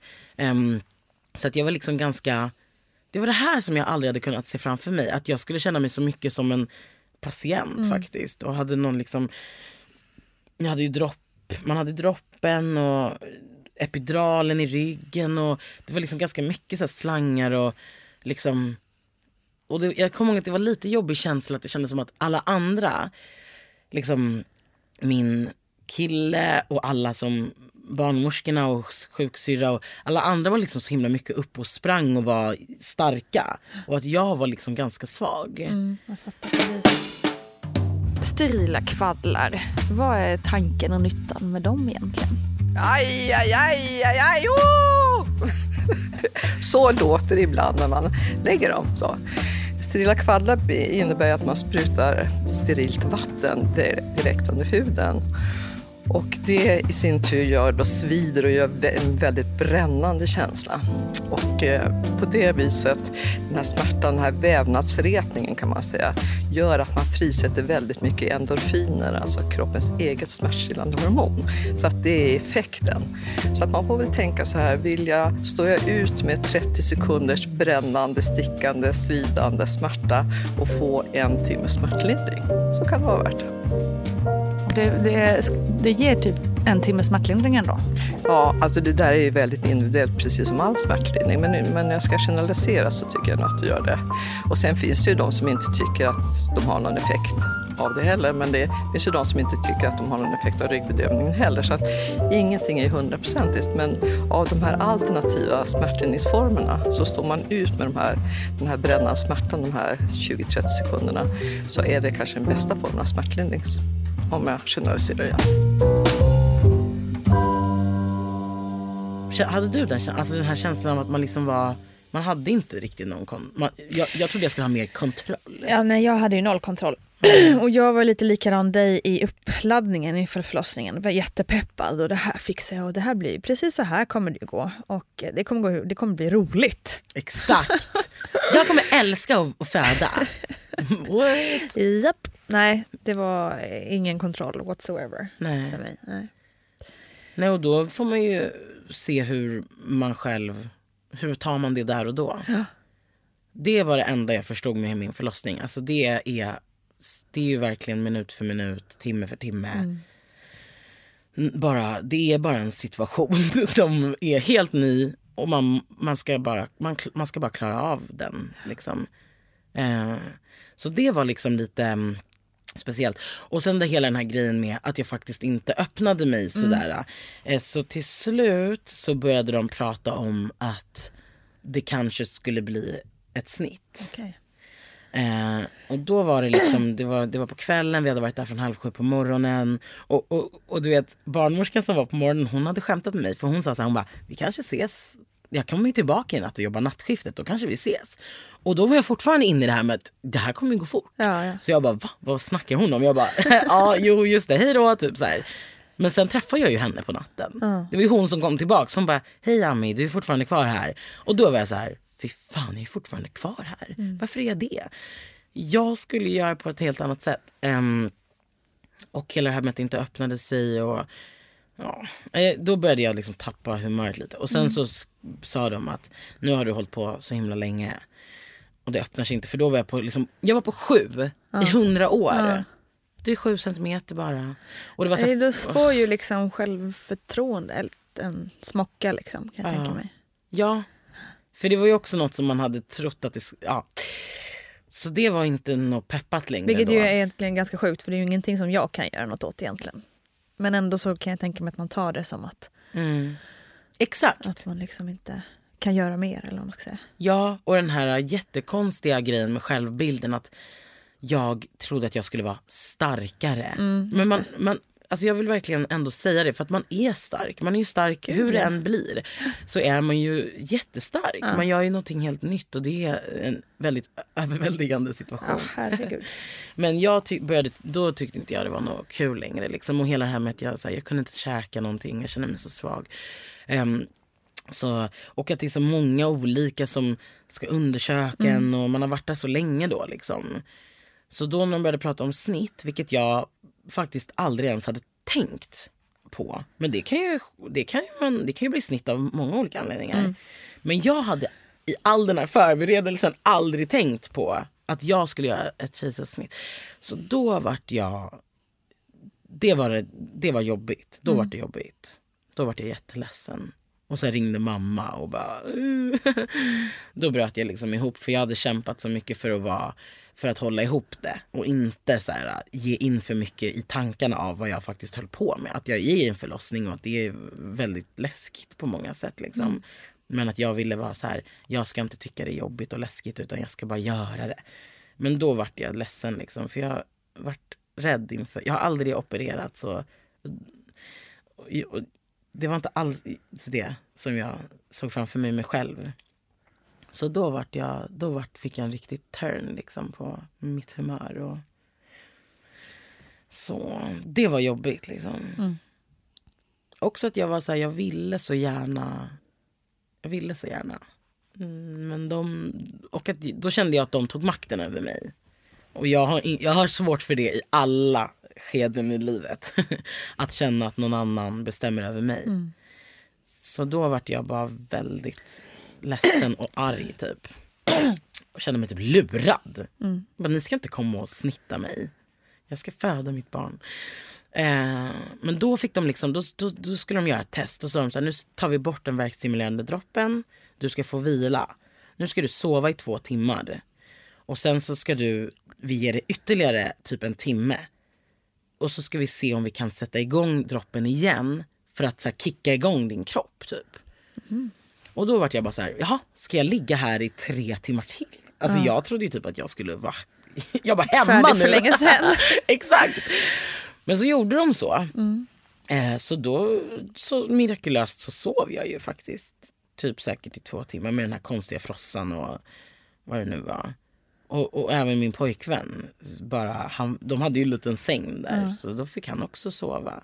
För han hade ju varit så jäkla aktiv. Alltså, han var... Jag hade inte föreställt mig innan att han skulle kunnat vara ett sånt enormt, så betydande för mig. Alltså på riktigt, jag tror att han gjorde också så att det här med att gå in i sin kropp, alltså att låta huvudet sjunka ner till magen och att det var, det var magen som styrde. Alltså det var, det var den, liksom den här delen av min kropp, alltså mitt bäcken. Det var mitt bäcken som styrde hela Ami. Liksom. Jag tror jag lyckades med den. Och han var hela min, min hjärna.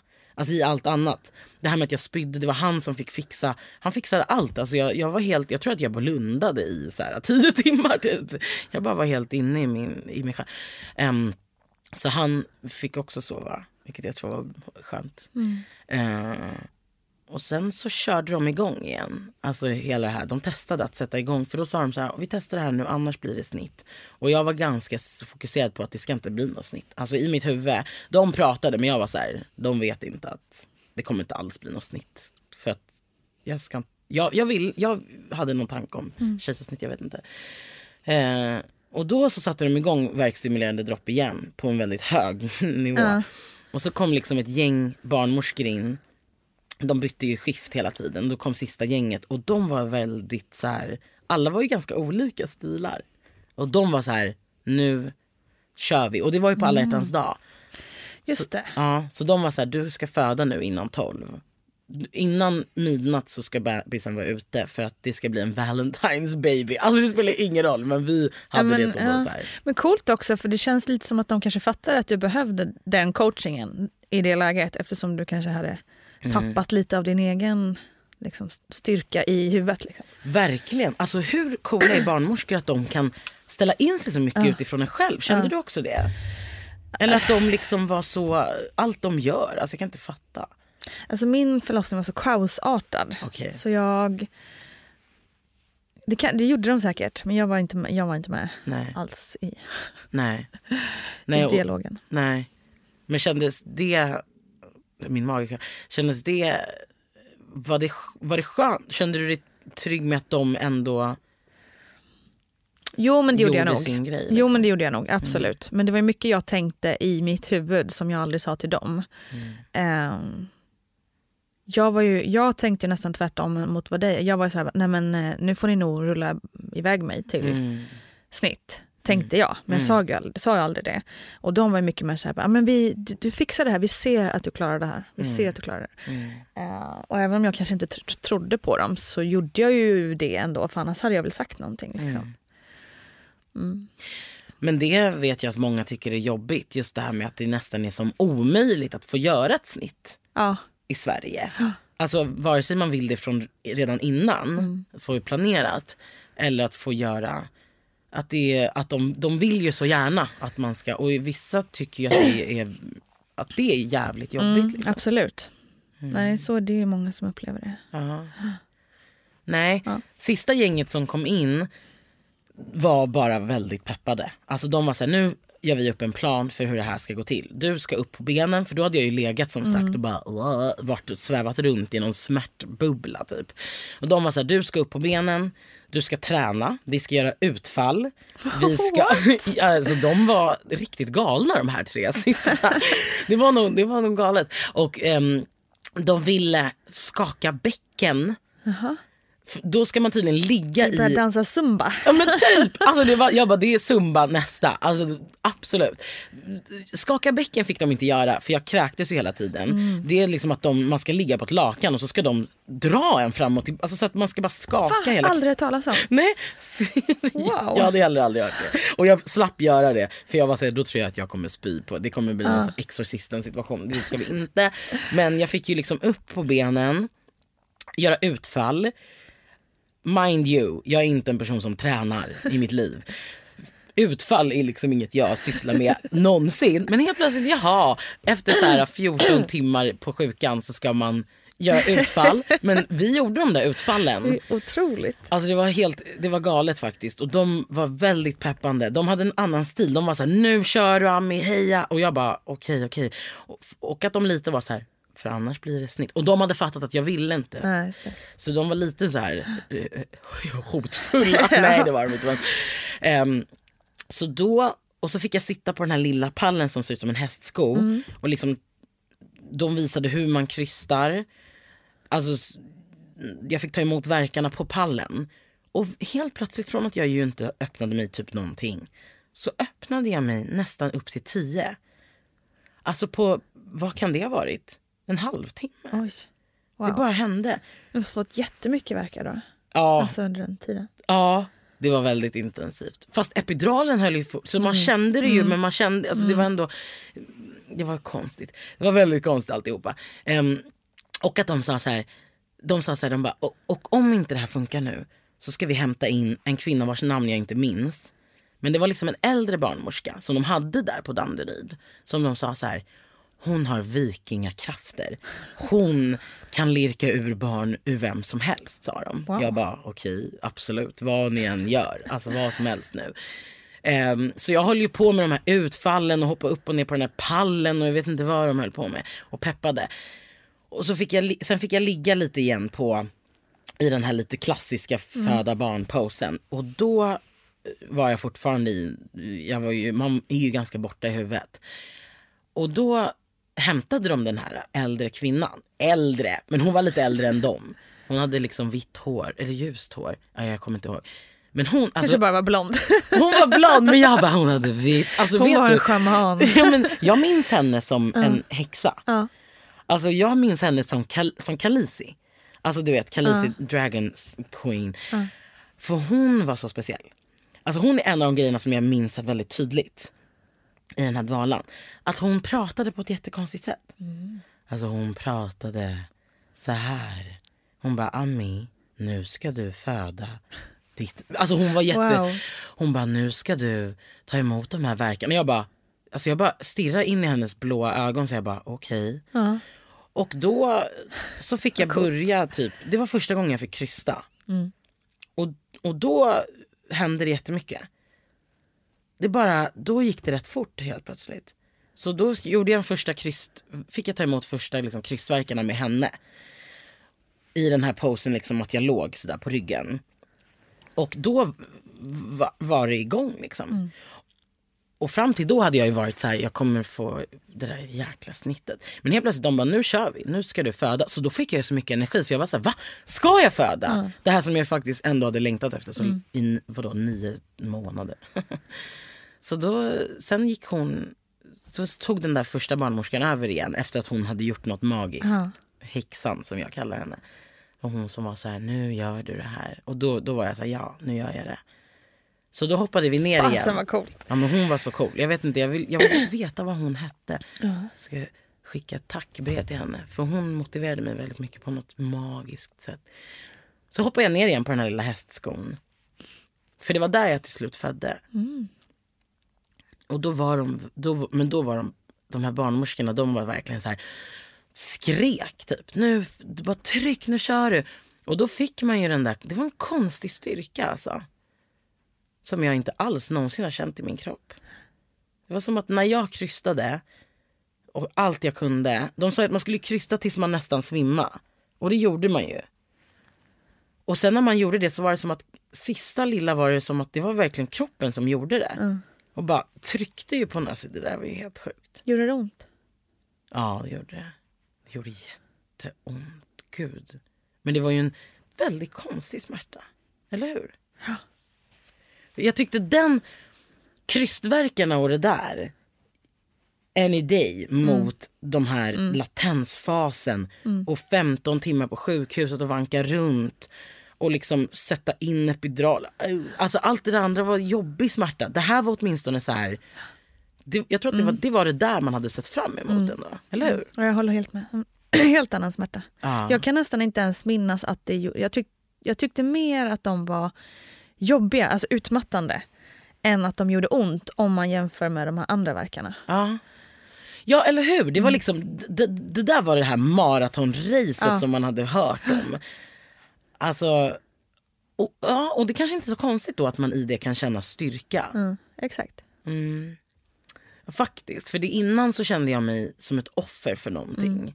Och jag kände mig, men som jag sa, som en patient och jag kände mig svag. Och jag kände liksom inte så mycket igen mig själv. Men i det här kände jag så här, det här jag kan det här av någon anledning. Jag, och man hade ju blivit peppad innan. Att folk var så här, du kan det här, din kropp kan det här. Och när man låg där och bara låg och låg och hade slangar och hit och dit. Då kände jag så här, jag kan inte alls det här. Men när jag fick krysta då kände jag så här, jo, jag kan visst. Jag är jättestark. Och det var verkligen, det var nice. Fast det var vidrigt. Det var ju vidrigt. Ah! Men ända in i sista krystet. Och jag tror faktiskt att så här, hade jag behövt krysta en gång till hade jag typ inte, hade jag, jag vet, alltså jag undrar så hade jag orkat det?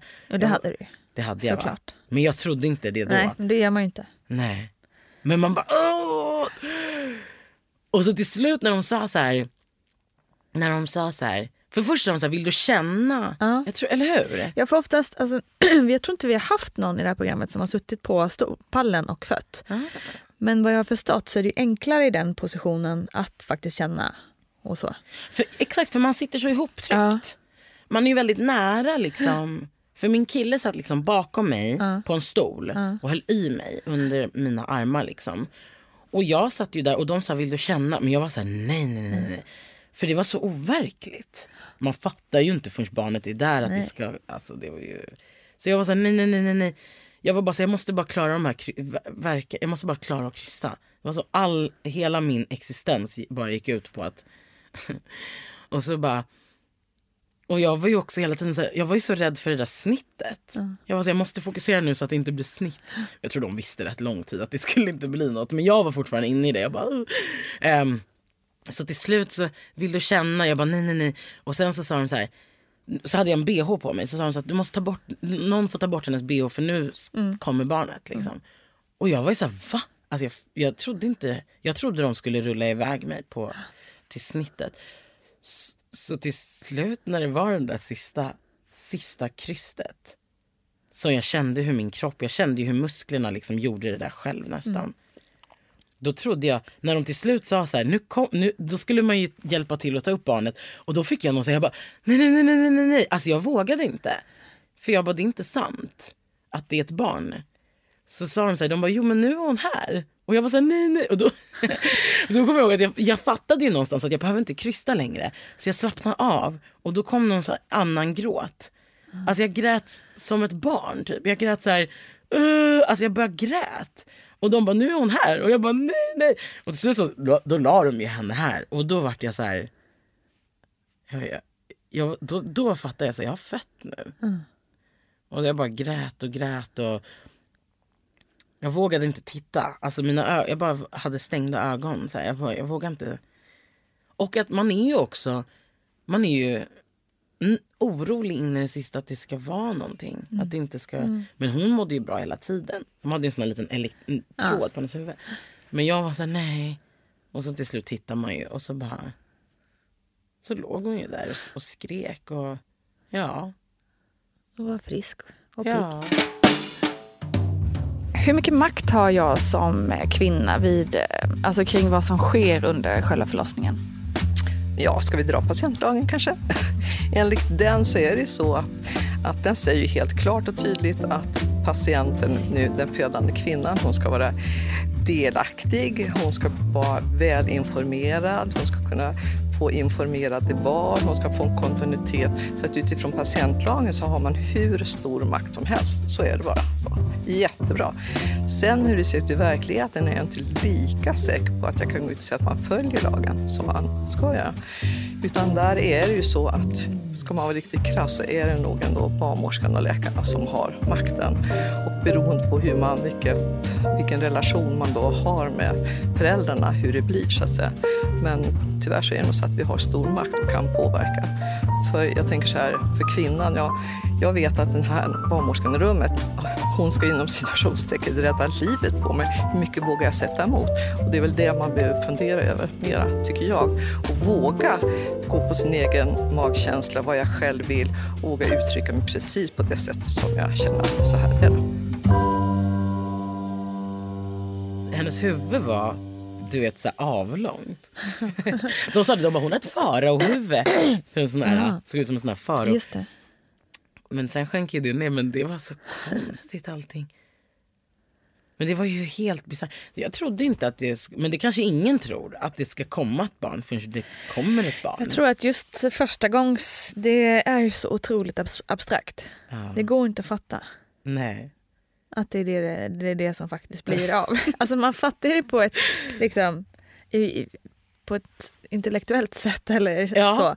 Men känslomässigt, alltså det går ju inte att fatta att man faktiskt har ett barn i magen. Nej. Hur sjukt är det inte det? Men fattar du det andra Ja då? men mycket mer den här gången. Mycket mer. Mm. Eh, Så liksom, jag var mycket mer så känslomässigt avstängd när jag var gravid med Essie. Jag kunde inte så prata med magen eller, eller vet, fatta Nej. att det faktiskt var något. Nu är det mycket mer så tydligt att men det här är ju ett bebisgos och det är ett Ja. barn som jag kommer få se lära sig gå. Ja. Allt det där liksom. Ja. Så det är mycket mer känslor nu. Ehm, andra gången. Gud. Rent så, för, för barnet i magen. Det är mycket mer verkligt. Ja. ja, för att när man är gravid första gången då tyckte jag att graviditeten var, det tog ju sån tid, alltså det, det kändes långt men jag tror att man behövde den där tiden, jag behövde den där tiden till att liksom landa i att jag ens var gravid. Att nu är jag, jag är gravid, liksom. jag är inte ammis sen tidigare, jag kan inte göra allt det här för jag är, jag är en gravid person just nu. Och sen så liksom, men jag tänkte inte så här för att det ska komma att, jo men, men ändå. Och sen så själva förlossningen, det var som sin egen lilla grej igen. Att så här, nu, är jag, nu föder jag. Och det hade, då glömde jag att jag har varit gravid och jag, jag fattade inte att det ska komma ett barn utan jag var så jäkla inne i det då. Bara att nu, nu, nu. Och så pang till att nu har jag ett barn. Alltså nu är det ett barn här. Jag är inte längre liksom den som ska ligga och känna mig som en patient på en, i ett sjukhus som bara känner mig svag utan nu vips. Och det är ganska sjukt också hur snabbt man bara jaha, för då fick jag ju energi. Då var jag så här, "Ha." då kändes det inte alls som att jag hade gjort allt det där i hundra timmar och legat, hela den där latensfasen, ligga hemma och bla bla. Utan det var ju bara där och då igen. Att så här, då låg hon där och att man skulle amma direkt, det fattar inte jag. Att de var så, nej hon kan amma. Jag fattade ingenting. Och hon var så liten. Men ändå så stor. Ja. Att man bara, vad har jag haft allt det här Ja, i mig? ja. och att, hon är, att barnet är helt färdigt. Alltså jag tror att jag hade någon konstig bild av att det inte skulle vara ett färdigt barn. Mm. Men den, det är ju en helt vanlig bebis. Gud det är helt bisarrt. Nu låter jag kanske helt puckad. Nej, men jag tror att det är jättemånga som känner igen sig i det här. Alltså jag gör det, absolut. Men hur var det liksom, hur var de första dagarna och känslorna kring? Fick du, så, fick du så här modes, fick du det här instant love grejen eller tog det lite tag? Um, alltså jag, jag tror att jag fick ganska instant, alltså väldigt starka känslor. Mm. Eh, och, och liksom, jag fick någon sån här, um, direkt efter att hon hade kommit så fick man ju fika och vad det nu var. Men, och så ska man gå upp och kissa och jag hade inte kunnat kissa under typ från att jag fick epiduralen. Vissa kan ju inte kissa när man får den. Så de fick en kateter och det var också ganska jobbigt men skit i det. Eh, och då skulle man gå och kissa. Och när jag satt på toaletten då, eh, då låg väl hon hos Lucien, liksom min, hennes pappa.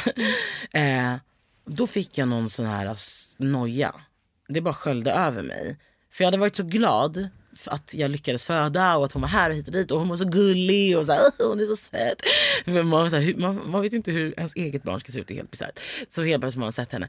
Men då skulle jag gå på toa och då fick jag någon så här um, att jag bara, vi kan inte ta hand om henne. Vi kommer inte, vi kan inte ta hand om något så fint.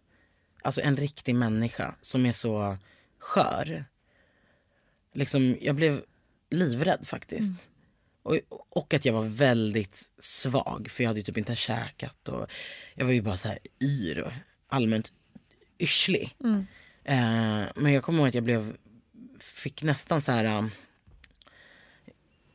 jag, jag har fått panikångestattacker tidigare i mitt liv. Och jag fick en sån känsla. Alltså jag började få panik. Att jag var så här, vi kan inte ta hand om henne. För hon är så oskyldig liksom, i den här världen. Alltså jag, vill inte, jag vill inte att vi ska lämna det här rummet nu. Och det tror jag också var någon sån här moders... Jag har fått den känslan någon gång igen med henne. Alltså nu när hon är snart i sex veckor. Att jag kan få en sån här... Jag vill inte att någon ska typ se henne. Alltså jag vet inte, bisarrt. Sen släpper det. Men att man blir så, det är så himla skört.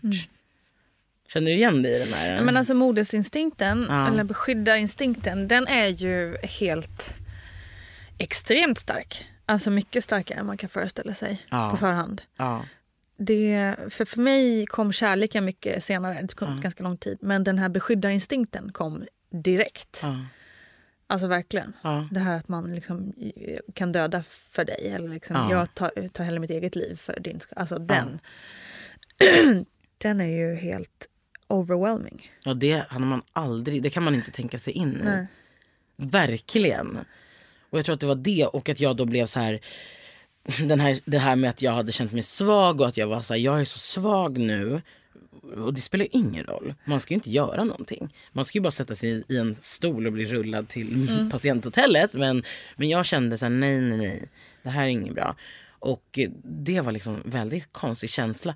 Så då vart jag så här, men bara blev liksom, oh, det var en konstigt. Och, och, och liksom när vi kom till patienthotellet var det också så här. Hon, de skulle göra små testkoller Mm. på henne och sen skulle hon få någon spruta. De skulle ta blod efter någon dag. Och det var också så här, det klarade inte jag av. Jag, jag, då fick jag gå ut ur rummet liksom för jag bara grät och bara Mm. de är så elaka mot henne. bara, hon är så liten och hon ska inte behöva det här. Liksom. Hon ska inte behöva vara här överhuvudtaget. Alltså gud. Så då kände jag väldigt starka känslor. Mm. Också att de är ju så små och helt plötsligt ska man sova i en säng med en sån liten bebis. Det är en jättekonstig Ja. känsla. Men så liten och... Ja gud. Jag bara... Men så där är jag fortfarande lite grann. Liksom att man... Och det är också en sån sak, man kan inte föreställa sig hur man ska bli sen. Som, sen men det är väl också något som kanske förändras i...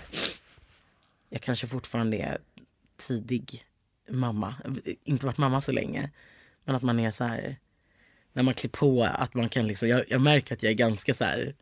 Lite försiktigare än vad jag Mm. hade kanske trott att jag skulle vara. Ja men liksom- allting går ju steg för steg Ja. såklart. Och så är det nya utmaningar och så är det nya saker som händer och ju större de blir så blir det andra grejer liksom. Ja.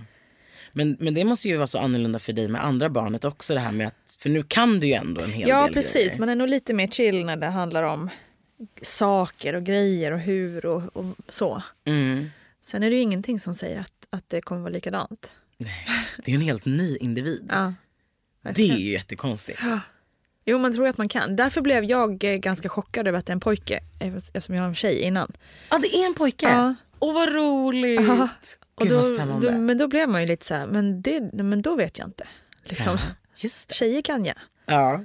Och tjej, jag är själv tjej. Alltså jag vet hur vi funkar. Ja. Kille, va? Fan. Ja det är ju, ja, Det är helt det är jättekonstigt. för sådana tankar hade jag också innan vi, för vi kollade också.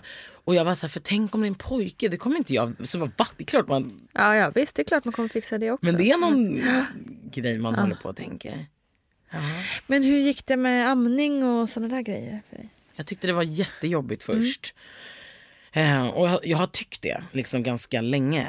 Eh, liksom, det som var jobbigt först var liksom att jag, eh, jag har liksom ganska stora bröst to begin with. Och bara brösten blir så stora, ännu större. Ja, helt groteskt. Nej men gud, och så tunga. Och det bara tar över allting. Och liksom, jag var verkligen så här bitter typ emot kvinnor som har mindre bröst. Jag bara, ja det, måste, det är väl inte, jag vet inte, det är väl jobbigt, det kan bli för vem som helst antar jag. Men jag tyckte det var så, här, så jobbigt för mig, jag har så stora bröst. Ska jag hålla barnet men jag måste också hålla upp bröstet. Och jag tyckte liksom att det kom, kommer det ens någonting? Och, och det var ju verkligen den här känslan av att så här, ska jag, jag är den som ska hålla henne vid liv. Alltså så här, ska hon bara ligga där och jag tyckte inte hon greppade. Och det var liksom, men man fick ju väldigt mycket hjälp på det här patienthotellet. De kom ju liksom natt och morgon hit och dit och kollade. Men jag var ju lite så här att jag också bara, ja ja det funkar väl. Men de var ju väldigt noga. Bara, vi vill kolla på när du ammar. Mm. Och det tyckte jag var ganska jobbigt. Att jag var så här, men liksom frustrerande. Eh, men till slut så fick man ju ändå kläm på det. Och liksom lära sig att liggamma och Mm. Eh, så sen nu i efterhand har- jag väl blivit väldigt förvånad över hur mycket man ammar. Alltså jag hade inte, jag vet inte vad jag hade trott.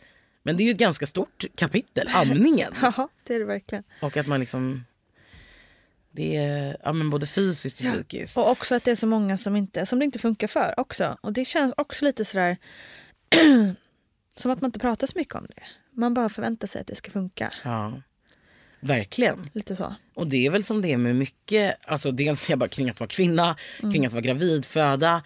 Och det är väl därför jag älskar den här podden också väldigt mycket.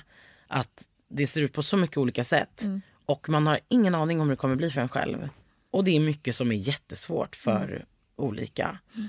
Eh, och amningen, ja det är verkligen en sån grej. Mm. Jag är jätteglad att jag kan amma för jag ville verkligen det. Ehm, men jag, vill ändå vara ärlig med att jag, jag tycker inte att det vissa amningsstunder är jättemysiga. Liksom. Och jag är, det är klart att det är skönt att kunna ge den trösten och så här. Om hon skriker, då hon blir alltid lugn om hon ammar. Och det är Mm. ändå skönt. Eh, men men det, jag tycker inte alls att det är kul att sitta ibland. Ibland är det ju, ska hon amma jättelänge, man bara sitter där. Och det är flera, liksom, hon kan ju amma ja, men väldigt ofta. Mm. Och, och det måste man väl ändå få vara ärlig med att det är ju inte alls alltid man vill sitta och amma. Nej, gud nej. Så sitter man där så bara, fan jag glömde telefonen där borta. Exakt. Exakt, man bara sträcker sig, man har blivit som en spindel. Så här. Oh my god. Eh, och det är ju lite den här grejen igen att under graviditeten kunde jag känna mig väldigt fången i min kropp. Alltså Mm. väldigt så här, jag är bara en kropp. Mm. Liksom kidnappad. Och det är lite den grejen med amningen. Att man Mm. är så här, åh, här sitter jag. Medan alla andra gör det här. Och det är också den här grejen, jag tvingade mig själv att, att våga amma bland folk. Mm. Ehm, för att jag tyckte inte det var kul. Och jag, det här med att, liksom min relation till mina bröst, att jag är inte alls bekväm att bara... Alla andra har ju kläderna på sig, ska jag sitta och visa mina bröst för alla? Mm. Som jag inte alls liksom har den relationen till att jag bara vill kasta fram dem. Eh, men det har jag bara tvingat mig själv att acceptera. För först var jag så att jag gick undan och ammade. Mm. Och då var det verkligen så här, här sitter jag. Mm. I köket har alla trevligt och Mm. jag sitter och ammar. Skittråkigt. Så då var jag så här, nej jag, tyvärr jag måste bara palla göra det här bland folk. Liksom. Och då blir man ju lite mer skillad. Så då blir man ju lite så smidig. Ehm, så nu så ammar jag liksom bland folk. Har du fått någon reaktion någon gång? Faktiskt inte. Jag har faktiskt märkt att folk är- väldigt mycket mer respektfulla än vad jag hade kunnat tro. Sen vet jag att vissa har ju tydligen problem med Mm. ammande kvinnor. Mm. Alltså skulle jag vara med om en sån sak skulle jag ju bara alltså, bli väldigt lack. Mm. Men jag har, jag har sluppit det. Och jag tycker liksom att folk är väldigt respektfulla. Jag märker att folk ändå så här för det är ju också hennes stund, Mm. för, för barnet också. Ehm, att folk liksom ja, men så här, titt, tittar bort men alltså inte stirrar. Eh, känner jag liksom. Och det tycker jag är jätteskönt. Jag tror ändå, eh, trots att det har gått heta debatter kring det, vilket är helt sjukt att det ens ska bli en debatt kring ammande mammor på stan typ. Mm. Men det känns ändå som att det stora flertalet människor alltså inte har några problem med det. Nej, Det är det- bara konstigt liksom. Men det är Att jättekonstigt. ha problem med det. det Ja, men alltså, alltså vad är det för fel på de man här bara, har du inga större problem Ja än... exakt, det är det är det min största undran när man ser debatter överlag ibland kring Ah. vissa ämnen. Man bara, har ni verkligen inget annat att oroa er kring? Alltså då är man väldigt privilegierad person som Ah. uppenbarligen inte är drabbad av någonting annat Ah. än mig och min amning med mitt barn. Alltså det är ju helt sinnessjukt. Ja. Så um, eh, nej, jag tycker faktiskt att folk är ganska respektfulla kring håller amningen. Ja, vi närmar oss slutet. Mm. Men jag, så jag vill ställa den obligatoriska frågan. Vad vill du eh, säga till den som är på väg att... Ja, du får bestämma själv. Antingen precis har blivit gravid kanske, eller funderar på att bli gravid, eller eh, snart ska föda. Har du, något, har du något det här? Jag ska inte råda om någonting, men om jag ska råda. Men så kommer listan. um, alltså jag tycker att om man är gravid, eh, antingen om man ska föda när som helst eller om det är ett tag kvar. Eh, jag, tycker, alltså, jag tycker inte att man ska lyssna på, på skräckhistorier. För att ehm, om någonting händer, det kan hända, vad som helst kan hända. Ehm, så, så händer det då. Mm. Eh, det är ju ingenting man kan förutse. Och man kan inte styra över varken graviditet eller förlossning. Och jag tycker för mig själv personligen så var det faktiskt styrkan. Att inse att jag kanske lever ett liv där jag känner en press att, att kontrollera mycket saker, att göra mycket saker, att prestera på olika sätt. Liksom varje dag. För det är för mig att vara kvinna. Att liksom med, till utseendet och jobbet och relationer, att man har ganska höga krav på sig själv. Mm. Ehm, här kan man inte styra. Så det kan faktiskt bli en positiv sak. Att go with the flow. Att faktiskt tillåta sig själv att bara vara. Mm. Och blir det inte som du hade tänkt dig så, så är det bara så. Du, man kan inte förutse det här och man kan inte planera. Eh, och det är faktiskt ganska skönt. Mm. Och även under förlossningen. Att det är väldigt läskigt. Men att om man, för mig var det styrkan i alla fall. Att bli bara min kropp. Att det, nu är det min kropp som gör det här. Och faktiskt så kan den det. Den kan ju det. Mm. Mycket mer än vad man tror. Så det är mitt enda liksom. Att det, det Ta är du. tillfället i akt att Ja. släppa. Att släppa och chilla. Mm. Och äta allt det där man vill äta. Och liksom faktiskt vara sin, sin egen styrka. Att det är bara du som har din graviditet. Det är bara du som föder ditt barn. Man kan få alla de här råden. Och man kan skräckas upp av andras erfarenheter. Men, men det är ändå bara du och ditt barn. Och liksom, det är en väldigt speciell sorts styrka. Och Mm. ett speciellt band. Liksom. Så det är min enda det, är faktiskt, det, det var faktiskt till slut, det var, det var ändå en positiv upplevelse. Vill du göra det igen? Absolut. Samtidigt inte, för att vara ärlig. Men absolut, jag, kom, jag vet att jag kommer göra det igen. Du är fortfarande ganska nära, alltså det är inte så länge sedan du födde Nej. och då tar det, det tar ändå lite stund innan man känner pepp Det är igen. det. Jag ska vänta lite. Du, Ja. du, hur lång tid är det mellan här Det är nu tre år mellan. Mm. Men det är bra Mm. tycker jag. Det är bra. Men ändå jämnt men ändå lite. Mm. Ja. Ja, härligt att ha dig här. Tack så Tack så jättemycket för att jag fick komma. Ami Bramme Sey, alltså. Stort tack för att du ville vara med och gästa den här lilla podden om graviditet och förlossningar. Ja, hörni, det här var ju helt enkelt slutet av programmet som ni säkert har förstått. Jag hoppas att ni kommer tillbaka snart och eh, att ni också kanske lyssnar på äldre program i serien. Det finns ju hur många härliga berättelser som helst. Ha det alldeles fantastiskt tills vi hörs igen. Hej då! Producerat av Perfect Day Media. Planning for your next trip? Elevate your travel style with Quince. Quince has all the jet setting essentials you'll want for your next getaway, like European linen, premium luggage options, buttery soft Italian leather bags, and so much more. And is all priced at 50 to 80% less than similar brands. Plus, Quince only works with factories that use safe and ethical manufacturing practices. Pack your bags with high-quality essentials you'll be wearing for vacations to come with Quince. Go to quince.com slash pack for free shipping and 365-day returns. Ever catch yourself eating the same flavorless dinner three days in a row? Dreaming of something better? Well, HelloFresh is your guilt-free dream come true, baby. It's me, Kiki Palmer. Let's wake up those taste buds with hot, juicy pecan-crusted chicken or garlic butter shrimp scampi. Mm. Hello Fresh. Stop dreaming of all the delicious possibilities and dig in at HelloFresh.com. Let's get this dinner party started.